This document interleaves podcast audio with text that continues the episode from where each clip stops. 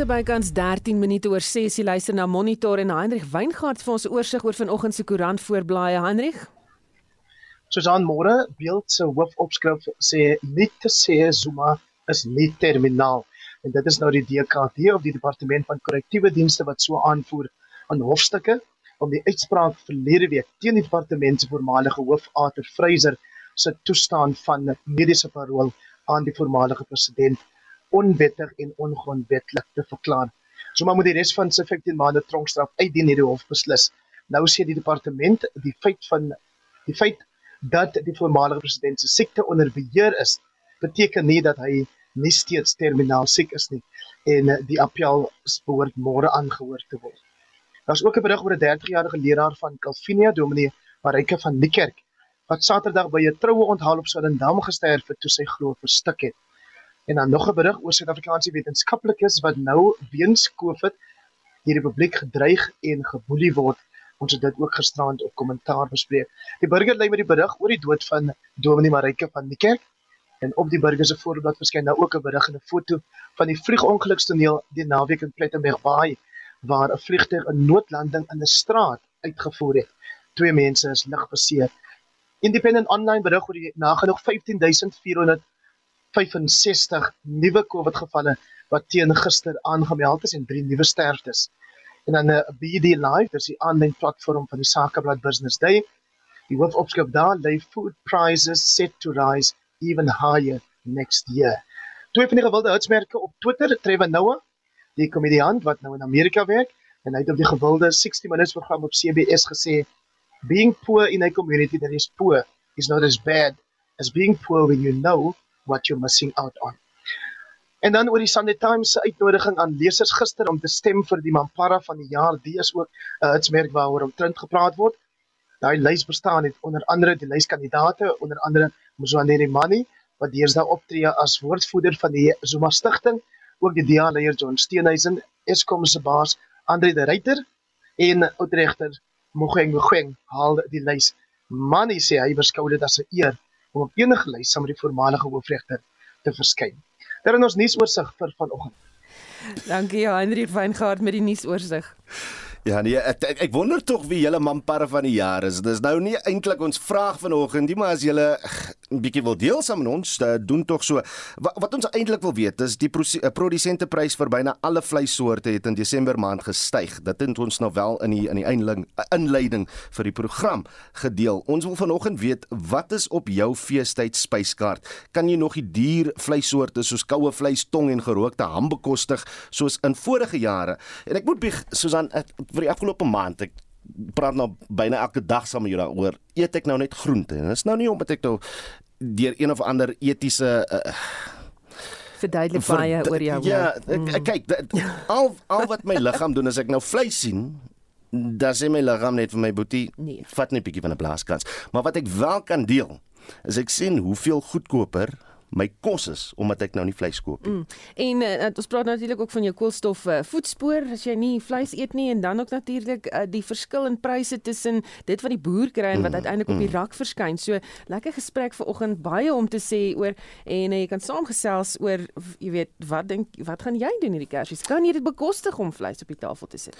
Asseblief stuur vir ons 'n SMS by 45889 teen R1.50 per SMS. Deel jou mening op Monitor en Spectrum se Facebook bladsy of WhatsApp vir ons 'n stemnote. Altyd lekker om julle stemme te hoor op 076 536 6961. Ek herhaal 076 536 6961.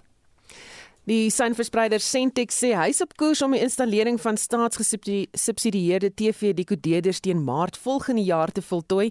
Analogiese sein sal teen daardie tyd afgeskakel word en alle televisie-uitsendings sal digitaal plaasvind. Jamie Verhoef doen verslag. Suid-Afrika moes 5 jaar gelede reeds na digitale uitsendings migreer het, maar het verskeie spertye nie gehaal nie. President Cyril Ramaphosa het vroeër vanjaar in sy staatsrede gesê dat Sentech 'n nuwe spertyd van 31 Maart volgende jaar gegee is. Sentech se hoof van bedryfsake, Malin Finnis, sê die seinverspreider is op koers om die spertyd te haal. The overall target is to have the migration for DTT by the end of March. As we are committed to ensuring that this will be achieved. We have in the final stages of getting even more capacity of installers so that we're able then to roll out this countrywide. And uh, we have in the last few months really have uh, increased significantly in terms of the um, switch off of end-of services. And um, I'm confident that by March next year, we'll be in position to uh, switch off end-of TV services so that everybody in the country can view the digital television content on the different technologies that's out there. Finnes sê huishoudings wat die TV-dekodeerders gebruik, sal sein van beter gehalte met duideliker beelde en klank kry. With analog TV services, we were limited to what we've experienced in terms of the SABC services with 1, 2, and 3 and some ETV and ETV channel. With us moving over to digital television services, we are now able to provide an array of content where you have the capacity to provide anything between 62 to 7 HD television channels to about 18 uh, standard definition channels. So that brings enormous opportunity for, for content. Hy sê arm huishoudings in die Noord-Kaap en Vrystaat het reeds migreer na digitale televisie. Staatsgesubsidieerde TV-dekodeerders word tans in Noordwes installeer en ander provinsies sal binnekort volg. We have been making great strides within the Free State, Northern Cape and Northwest and we have also just commenced with installation work in Limpopo and Mpumalanga province. Huishoudings met 'n gesamentlike maandelikse inkomste van R3500 kwalifiseer vir gratis installering van staatsgesubsidieerde TV-dekodeerders. Die verslag van Bongeni Mutwa in Johannesburg. Ek is Joan Marie Verhoef vir SAK nuus. 19 minute oor 6. 'n Familie in KwaZulu-Natal dagvaar die provinsiale departement van gesondheid vir mediese mediese nalatigheid na die dood van hul dogter Amanda Alexander. Uh, sy is 'n kroniese lupus pasiënt en is vroeër die maand in die Addington Hospitaal opgeneem. Die familie beweer sy is dood nadat sy medikasie vir haar toestand gekry het. I beg these people to take care of her. I beg these people to do something to help me because I could see that my baby was not right. Amanda Lona Alexander van Melmoth is op 15 met lupus gediagnoseer. Dis 'n siekte waarin die liggaam se immuunstelsel se eie weefsel en organe aanval. Die 27-jarige Amanda Alexander was 'n buitepasiënt by die Nkosi Albert Luthuli Hospitaal wat vir jare haar siekte bestuur het. Sy is begin Desember na 'n terugslag by die Addington Hospitaal opgeneem en is 3 dae later dood. Haar ma, Bronwyn Amelia Tubani, sê sy is nog onnugter en geskok oor die swak behandeling en verwaarlosing wat Amanda Alexander ontvang het. Sy het sere in haar mond ontwikkel en het in haar eie urine geslaap. Daar is toe versoek dat sy na die Nkosi Albert Luthuli Hospitaal oorgeplaas word. Sy sê ook sy het 'n dag voor haar dogter dood is, uitgevind sy het nie haar lupus medikasie ontvang nie. 3 times until some guy heard me, a trainee doctor, and he came to assist me. Only to find out as a mother they weren't giving my baby her medication from Thursday, Friday, Saturday. I had given the doctor downstairs the medication. So you can imagine Thursday, Friday, Saturday, 3 days without your steroids, without your warfarin. My baby did not eat. She wet herself and I was the one who had to change her. Die familie voer aan sy is dood as gevolg van mediese nalatigheid. If she was treated with dignity, if as a mother I could see that a they tried and Manda still passed away, I wouldn't be fighting. I would not be fighting. But up till her death, the treatment that she had gotten, I did not like it. At all. To get to the point where she's going to get married, have babies, and have a normal life. They robbed her of that. Amanda het beplan vir haar troue. Haar verloofde, Sibusiso Ntombela, sê hy is 'n gebroke man na haar dood en wil geregtigheid hê. I can't let this go. I can't have peace. I can't sleep. My fiance passed away too soon without receiving any care, love, attention, without receiving any respect without even listening to us when we were telling them she needs to get transferred. I'm asking any lawyers, any law firm, they can please assist me to make sure that Addington Hospital takes accountability. Die hoof van die KwaZulu-Natal se gesondheidsdepartement, Dr. Sandile Chabalala, sê die omstandighede wat tot Amanda se dood gelei het, word ondersoek.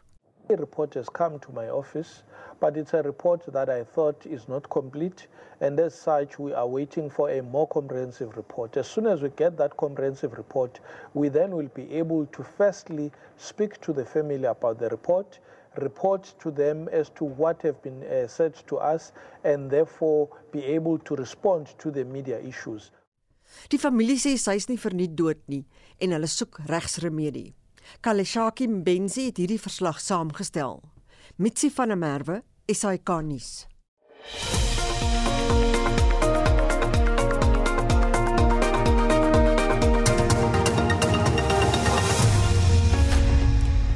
Presies 24 minute oor 6 en jy luister na Monitor. Die onluste en plundertogte in Julie vanjaar word beskou as die ergste onrus in Suid-Afrika sedert 1994.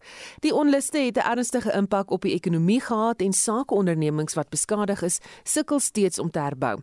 Gewone Suid-Afrikaners het saamgekom om werkplekke en woonbuurte op te ruim en te herstel na die ongekende openbare geweld. Vincent Mofokeng doen verslag.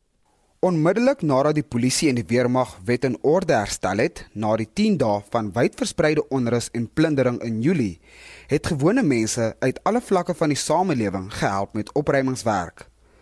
Baie dorpe en stede in KwaZulu-Natal is deur die onrus en die ontwrigting van die verskaffingsketting van basiese noodsaaklikhede geraak. Mense het tou gestaan om brood en melk te koop. Die sake sektor het die koste van die onrus begin beraam. Die uitvoerende hoof van die Nasionale Bemagtigingsfonds, Pilisiwe Mthethwa, sê die skade wat in KwaZulu-Natal en Gauteng aangerig is, beloop minstens 20 miljard rand van die land se BBP. And all of this damage, so when the DTIC conducted their survey just to try and understand the severity of the riots. The estimated GDP loss, if I can call it that, is between 20 and 30 billion rands. I'm sure when people just woke up and decided to go on that destruction path, they didn't realize the impact, the long lasting impact that whatever they were doing was going to have on the livelihoods of the people who were actually affected. Some of the people have lost their jobs. Die eThekwini Metro het ook 'n opname onder sake ondernemings gedoen om die impak van die onrus te bepaal. 'n Munisipale woordvoerder, Tsegang Chipeya, sê die impak van die verlies van voorraad, verkope en werksverliese as gevolg van die plundering beloop na raming sowat 40 miljard rand. In sales, the city makes about 48 billion rands worth of sales every month. So this is almost a month or maybe three weeks worth of sales and stock which was lost due to looting within that one week. Drie volstasies wat deur Sponne Lombata in Durban besit word, is deur plunderaars aangeval en beskadig. Mbata het 150 mense in diens by die volstasies. I've had 3 of my sites that were greatly affected. This one being the worst one because it was completely burnt down, as, as you can see. There's another one in Bamshela, which was completely destroyed. The one site in Kwamashu, it can still be rescued. We're probably looking at just getting that one, uh, our technicians in to replace the computer equipment and the point of sale. The entire damage can be estimated at about 40 million rand as things stand. Meer as 350 mense is in die onrus in KwaZulu-Natal en Gauteng dood. Die regering sê minstens 12 mense is geïdentifiseer as die aanstigter van die onluste. Onder die vermeende aanhitsers wat in hegtenis geneem is, is die voormalige Ukhozi FM radiopersoonlikheid Ngizwe Mchunu en die Feast Must Fall aktivis Bonginkosi Kanyile. Albei is op borgtog vrygelaat. Kanyile staan tereg op aanklagte van aanhitsing van openbare geweld, die hou van 'n onwettige byeenkoms en dat hy nie 'n masker gedra het nie toe hy na bewering mense in Durban toegespreek het ten tye van die onrus. Pilani Ndlovu het namens die Kanyile familie gesê die regering probeer om steun vir oud-president Jacob Zuma stil te maak. Die geweld het uitgebreek kort nadat Zuma op 8 Julie begin het om sy tronkstraf van 15 maande vir minagting van die hof uit te dien. were very angry, were very bitter in the manner in which Bonkosi was apprehended. He was apprehended in a meeting of the EFFSC by about like 16 boers with guns. They, they came in and took him like a hardened criminal. What the state is doing is very wrong. They are now using rogue measures to silence those who are supporting President Jacob Zuma. Die minister van polisie, Becky Cele, het 'n spesiale taakspan saamgestel om die dood van 'n aantal mense in die Phoenix omgewing in beweerde rasverwante aanvalle te ondersoek. The events in Phoenix which I have lined have claimed lives of 36 people. Our investigation showed that 30 of those who were killed were shot. Two were burned to death, one was stabbed and another was run over by a motor vehicle. Talle mense van Phoenix is in hegtenis geneem in verband met die geweld in die gebied. Talle mense het by die Willem Landroshof saamgedrom en geëis dat borgtog geweier word aan al die beskuldigdes wat reg staan op aanklagte in verband met die Phoenix geweld. Die moordsaak teen die broers Dylan en Ned Cavender en die mede-beskuldigde Jitendra Jaykisoon was in die kollig.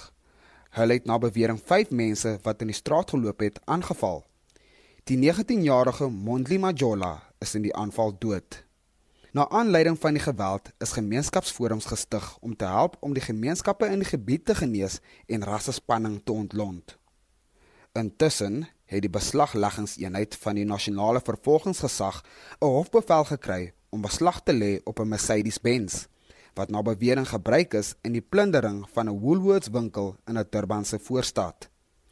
Mbuso Moloi is na bewering op kamera vasgevang toe hy 'n mandjie vol goedere na die bagasieruimte van sy Mercedes-Benz geneem het. Moloi staan tereg op aanklagte van openbare geweld, diefstal, betreding en die oortreding van die nasionale padverkeersregulasies deur die bestuur van 'n voertuig waarvan die lisensieskyf nie ooreenstem met die nommerplate nie. Hy moet weer in Februarie volgende jaar in die hof verskyn die verslag van Nonkululeko Thope in Durban. Ek is Vincent Mufokeng vir SAI Garnis. Heinrich Weingart staan gereed. Uh, Heinrich is daar van jaar tong op jou spyskaart, meneer.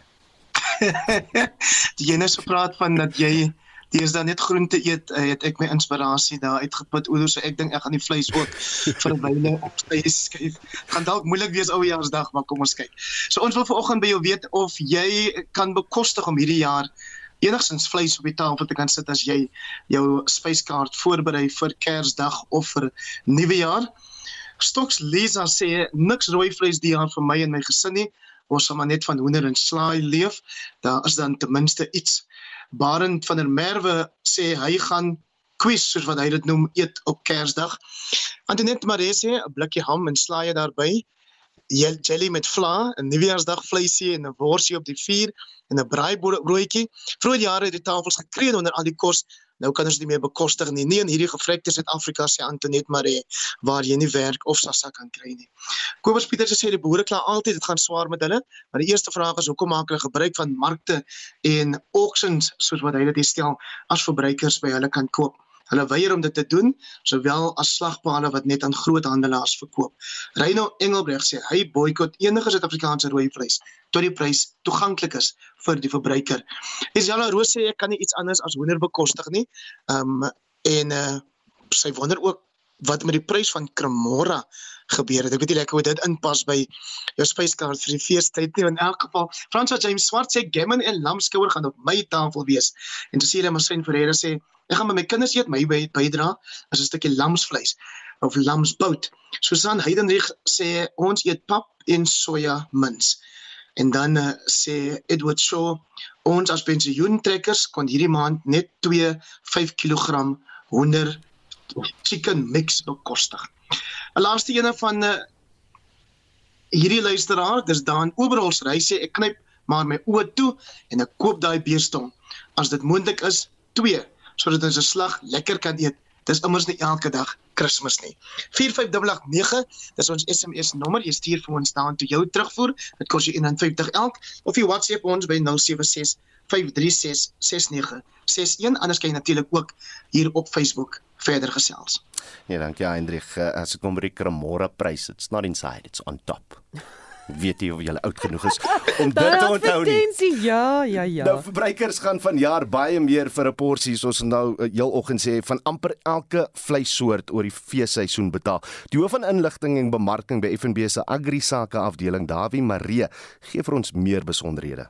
Ja, as ons net gaan kyk na beesvleis, dan het die pryse gestyg en dit is so tussen 9 en 11% eerder as in 2020 vergelyk met dieselfde tydperk. So vir klas A beesvleis gaan ons nou so R56 per kilogram betaal en klas C beesvleis is vir R49 per kilogram. Skaapvleis het net so sterk gestyg. Ons betaal nou meer as R89 per kilogram op produsente vlak met groot aanloopprys per kilogram vir skaapvleis. En dan vark? Vark het effens afgekom, varkvleis so 6% laer vergeleke met verlede jaar dieselfde tyd.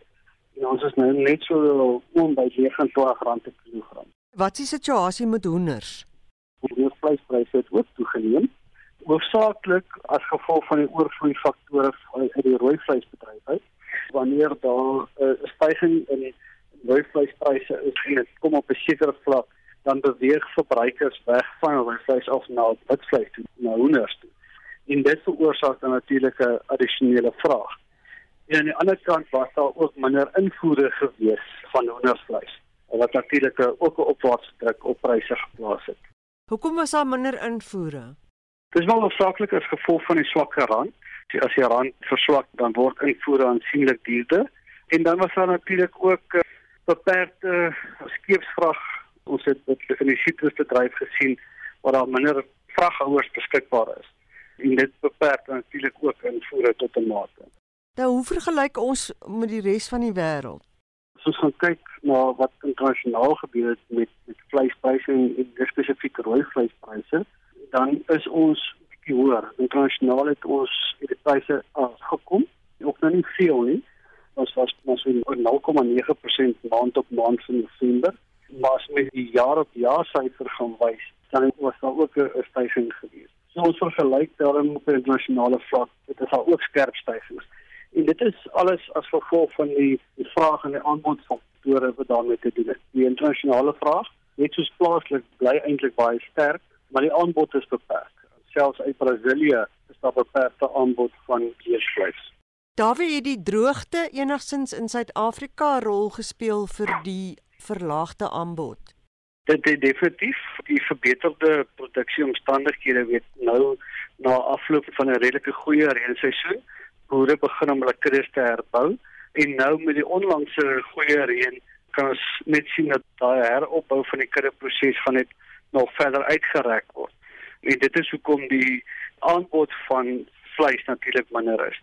Dieselfde ook in ons buurlande, Namibië en Botswana het ook relatief goeie reën gehad. As jy hulle begin ook hulle kuddes herbou, so ons sien nie daardie invoere noodwendig wat inkom na Suid-Afrika toe.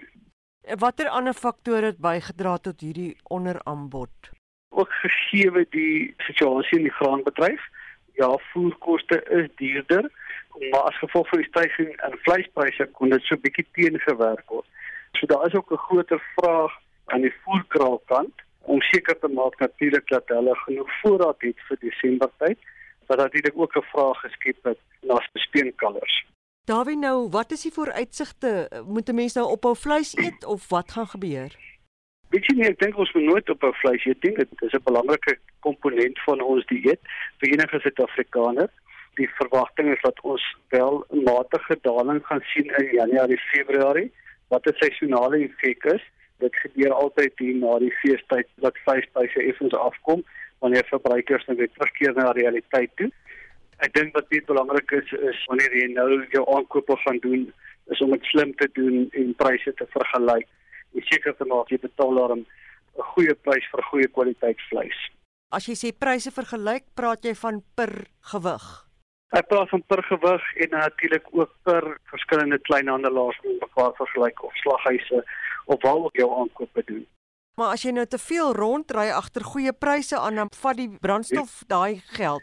Ja, verseker, dit is geval ek sien nie mense moet rondry nie, maar ek dink ook wat gebeur het met die pandemie, het die mense baie af aanlyn kleinhandelaars of aanlyn aanbiedinge gekry waar boere direk na verbruikers bemark. En dit is altyd 'n goeie opsie om te oorweeg want dan sluit jy natuurlik die middelman uit wat so effens vir jou as verbruiker dalk 'n laer prys kan veroorsaak. So jy kan uit die gemak van jou sitkamer of van jou studeerkamer kan jy ook jou vleis bestel en pryse vergelyk met mekaar. Jy doen dit natuurlik aanlyn. Natuurlik ja. So die middelman moet daar bly vir die ouens wat dit kan doen nie. Ongelukkig vir die verbruiker wat nou nie aanlyn kan koop nie, sal die middelman altyd daar wees en dit is ook 'n nodige deel van die ketting in sekere gevalle om seker te maak dat die vleis dan by die verbruiker kan uitkom. Dit dan Davie Marien, hy is die hoof van inligting en bemarking by FNB se Agri Sake afdeling. Hy het met Metsi van der Merwe gepraat. Die feestyd is vir baie mense 'n tyd van depressie en angstigheid. Sommige mense raak angstig omdat hulle druk voel om geld uit te gee op duur geskenke of vakansies. Mediese kenners sê stres en depressie is ook die nagevolge van die COVID-19 pandemie. Vir meer hieroor praat ons nou met Dr. Barbara Lou, 'n trauma-beraader en die stigter van Intertrauma Nexus. Barbara, môre welkom by Monitor. Kom ons begin by by 'n beskrywing van wat seisonale affektiewe verstoring of seisonale depressie is. Jong, goeiemôre. Kom ons noem dit in die eenvoudigste terme, daai absolute teneergedrukte gevoel wanneer die weer verander. Dit het baie te doen met die lengte van ehm um, daglig se strale en so aan, maar ons kan dit byvoorbeeld kry as dit vir dae aan een reën, soos wat ons op die oomblik in die ou Transvaal ervaar. En hoekom raak mense depressief tydens die vakansietydperk, veral wanneer dit Kersfees en Nuwejaar is en almal eintlik vakansie hou? Jong, ons sit met verskriklike groot uitdagings op hierdie stadium. As jy net maar net dink, ons rapporteer elke dag oor COVID-19 en ons praat van soveel mense het gesterf en soveel gevalle, maar elke sterfte en elke ehm um, geval is 'n mens met 'n naam, met 'n familie. Dan kan ons net begin dink, wat is die verlies aan geliefdes wat mense op hierdie stadium ervaar? Dan is daar mense wat sê, weet jy ek is eintlik baie gelukkig. Ek kon dood gewees het. Maar saam met daai gelukkig leef ek nog is daar ook die skuldgevoel van um, ek het oorleef wat maak my verskillend van ander mense. Wat 'n redelike algemene trauma reaksie is. Ba ons het ook askies uh, ja, jammer uh, gaan aan Ons sit ook met die onsekerheid rondom gesondheid, want waar staan ons nou regtig regtig met gesondheidsake soos COVID-19 en die kankers? Mense sê vir my byvoorbeeld dat hulle voel dat kanker baie baie aggressief is. Waar staan ons met HIV en TB? So daai onsekerheid dra by tot hierdie feestyd hartseer. Ek word nou net aangesluit daarby Barbara want na afloop van wat COVID-19 aan die werkloosheidssyfers in reg oor die wêreld doen moet daar seker nou 'n nuwe groep mense wees wat nou vir die heel eerste keer in hul lewens met angstigheid moet lewe. Hoe vermy hierdie groep mense dat die angstigheid uh, ten einde depressie word? Wie jy depressie dink ek in die eenvoudigste terme weer eens is 'n geval van dat mense begin om waardeloos te voel. Hulle waarde depresieer binne in hulle self. So hulle het werksonsekerheid, gaan hulle werk hê volgende jaar. Mense het wel hulle werk verloor wat heeltemal 'n totale trauma op sy eie is en in baie gemeenskappe is dit 'n verskriklike stande. En dan is die derde deel van werksgoed. Mense het nie almal hulle salarisse ontvang nie. Ons sit met 'n groot deel van ons gemeenskap waar salarisse uitstaande is en mense weet letterlik nie hoe gaan hulle kos op die tafel sit nie. Indien hulle skuld het, dan behandel die skuld invorderaars hulle baie keer baie baie stief wat die skande en die skaamte groter maak. Wat is die tekens van depressie? Ek dink die eerste teken van depressie is nie dat mense voorgee om depressief te wees nie. Mense gee voor om heeltemal oukei en vrolik en wel te wees. So die eerste teken van depressie is dat hierdie mens begin anders optree as wat hulle gewoonlik opgetree het. Daar's 'n swart galligheid wat kom. Daar's 'n kritieke gees wat um, positief. En baie keer met depressie begin mense self praat van ek maak sommer 'n einde aan alles. Die lewe is nie die moeite werd nie. Jong Susan en ek dink ons moet elkeen van daai dreigemente ernstig opneem en mense aanmoedig om te praat en hulp te soek. Indien jy depressie ervaar tydens die feesseisoen, wat moet jy doen om nou jouself om te sien, Barbara? En ook as ek dink iemand in my lewe begin ly aan depressie, wat doen ek? Die eerste stap vir my is altyd om te kyk na die eetpatroon en slaappatroon. As daai patrone begin verander by selfs by kinders, is dit 'n aanduiding van iets is is net nie juis nie. So ek sou wou ek sou daarna kyk. Waar mense te min of te veel slaap, te min of te veel eet en wanneer hierdie dreigemente begin kom, praat met die mediese dokter, die huisdokter. En ek dink dit help altyd as ons die telefoon kan optel as dit nodig is en om met 'n kundige te praat as die eerste stap. Die tweede stap is gaan na 'n beraader toe. Um jy weet baie keer dan skakel mense en wat hulle by jou wil hoor is hoe gaan ek hierdie huidige situasie hanteer? Is ek besig om stapel gek te raak? en as mens net daar verbykom dan kan 'n mens kom by om die goede te hanteer wat te swaar raak. Dit voel amper uh, van selfsprekend om te sê, goed, maar as ek so voel, moet ek iemand gaan spreek.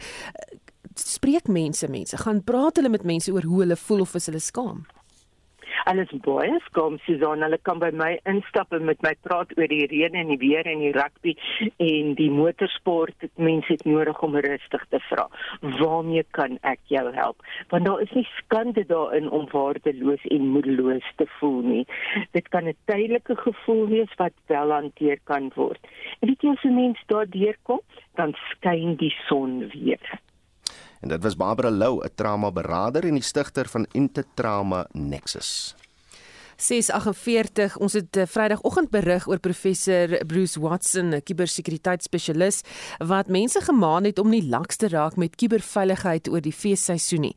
In vanoggend se bydrae sê hy aan Heinrich Weingart kuberkrakery en die verspreiding van waninligting sal na verwagting in die nuwe jaar internasionaal toeneem. A few examples of what we've seen in the last few years, although these things have been around for quite a few years. They've become much more prominent in the last couple of years. One of them is disinformation and misinformation campaigns. Another one is uh, ransomware, of course. And then lastly are various other disruptive hacking campaigns. Regerings en maatskappye kan met die regte optrede alself teen sulke aanvalle beskerm. Om dit nie te doen nie kan vir erge kopseere vorentoe sorg.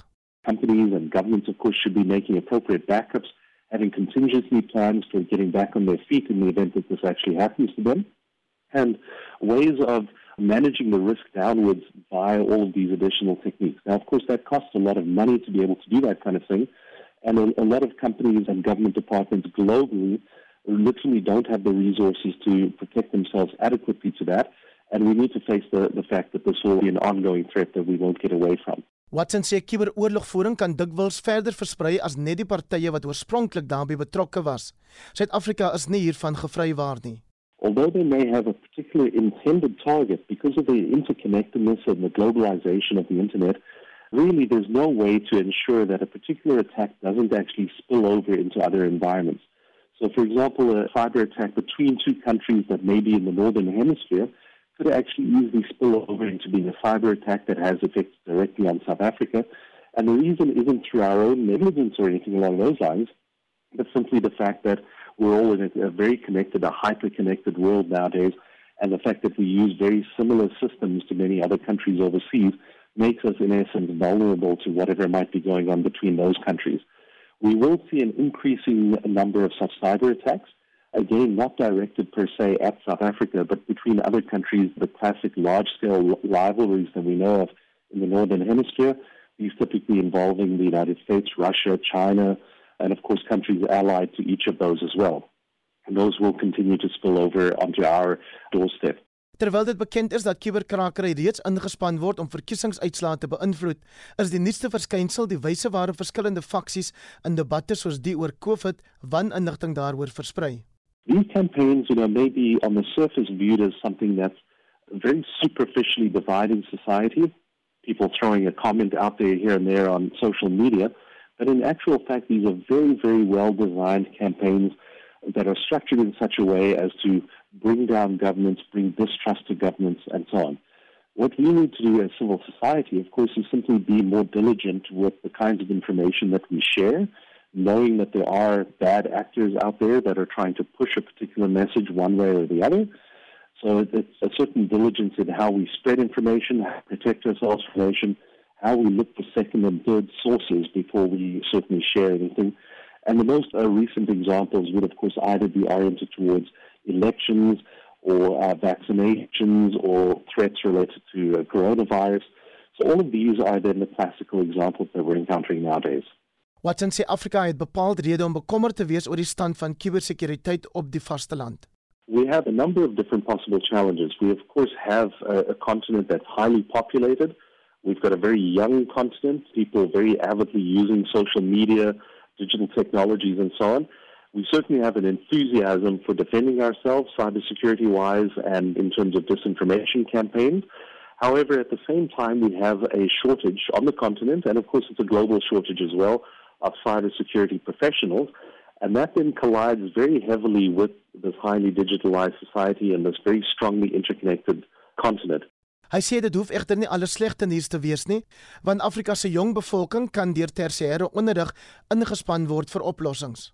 all of the universities, not only within the country but up and down the continent, focusing increasingly on having cybersecurity programs, being able to have people graduate from cybersecurity programs and get effective within the workplace.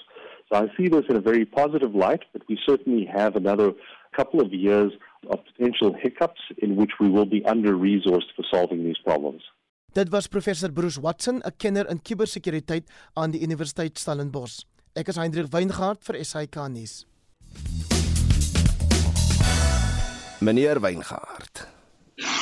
Die luisteraars praat lekker saam Oudo oor wat hulle op hulle Kers spyskaart het of feestyd spyskaart is nou vir Kersdag en ook Nuwejaarsdag. Ons eet sommer iets ligs soos pasta op Kersfees want dit is gewoonlik warm. Lekker koel eenvoudige nagereg soos roomys en vrugteslaai skryf iemand op ons op ons SMS lyn. Uh waarom moet 'n mens jou so ooreet vra die persoon dis ongesond ek voel altyd onder geweldige druk tydens Kersfees ons moet rus na 'n veel eisende werksjaar in plek daarvan om 'n mens eers te staan en kos maak en wat van al die tyd wat mense in die winkels moet spandeer elke sent word omgedraai want Januarie lê voor ons los gewoonlik ehm um, dit is gewoon ons is gewoonlik verlig wanneer die sogenaamde feesseisoen verby is Olie uit KwaZulu-Natal skryf môre RSG ja wie verstaan as jy as pensionaris nie kos en klere kan koop nie. Ek bid dat ek eendag ook 'n groot pakkie kos sal ontvang. Ehm um, dan iemand anders wat sê nee, mens moet maar juggle sodat 'n mens moet bly, moet kry wat jy wil hê. Die rede hoekom veral hoender duur is is as gevolg van invoer tariewe en dan stoffel wat skryf hou op om te kla oor die kospryse mense, jy moet jy moet eet. Kyk liewer na die drank en die twak en die petrol. En dan uh laaste een hier van iemand wat sê ek moes die afgelope 15 jaar van vergeet van vleis eet. Wie kan nou van 'n staatstoelaag bekostig om vleis te eet? Geen beesvleis skryf iemand anders. Ehm um, die beste vleis wat ek kan bekostig is hoendertong. Jy kan vir ons laat weet wat jy op jou spyskaart het. Die nommer is 4589 Um, en dit kos jou R1.50 elk. Anders praat jy saam op ons Facebookblad. Nou ja, hoe berei jy hoendertong voor? Ek dink ons kort 'n paar resepte want baie van ons gaan net dit kan bekostig. Onthou in die tweede uur van Monitor kyk ons na die waterprobleme in die Goudveld. 6 of 7 dae al sonder water, dit mense daarin welkom, so bly geskakel daarvoor. En uh, ja, nog uh, nog resepte gesels nog saam. Daar's mense wat sukkel, ons kan dit sien. Ehm um, en dan kan jy vir ons nog resepte deel ook as jy wil, nie. En miskien ook so 'n paar mamparas van die jaar of twee. Ja, ek sien ons ook ons sal nou nou hulle ook kyk, mense wat vir ons sê wie is die mamparas van die jaar. En uh, is nou amper 7 uur en tyd vir die nuus.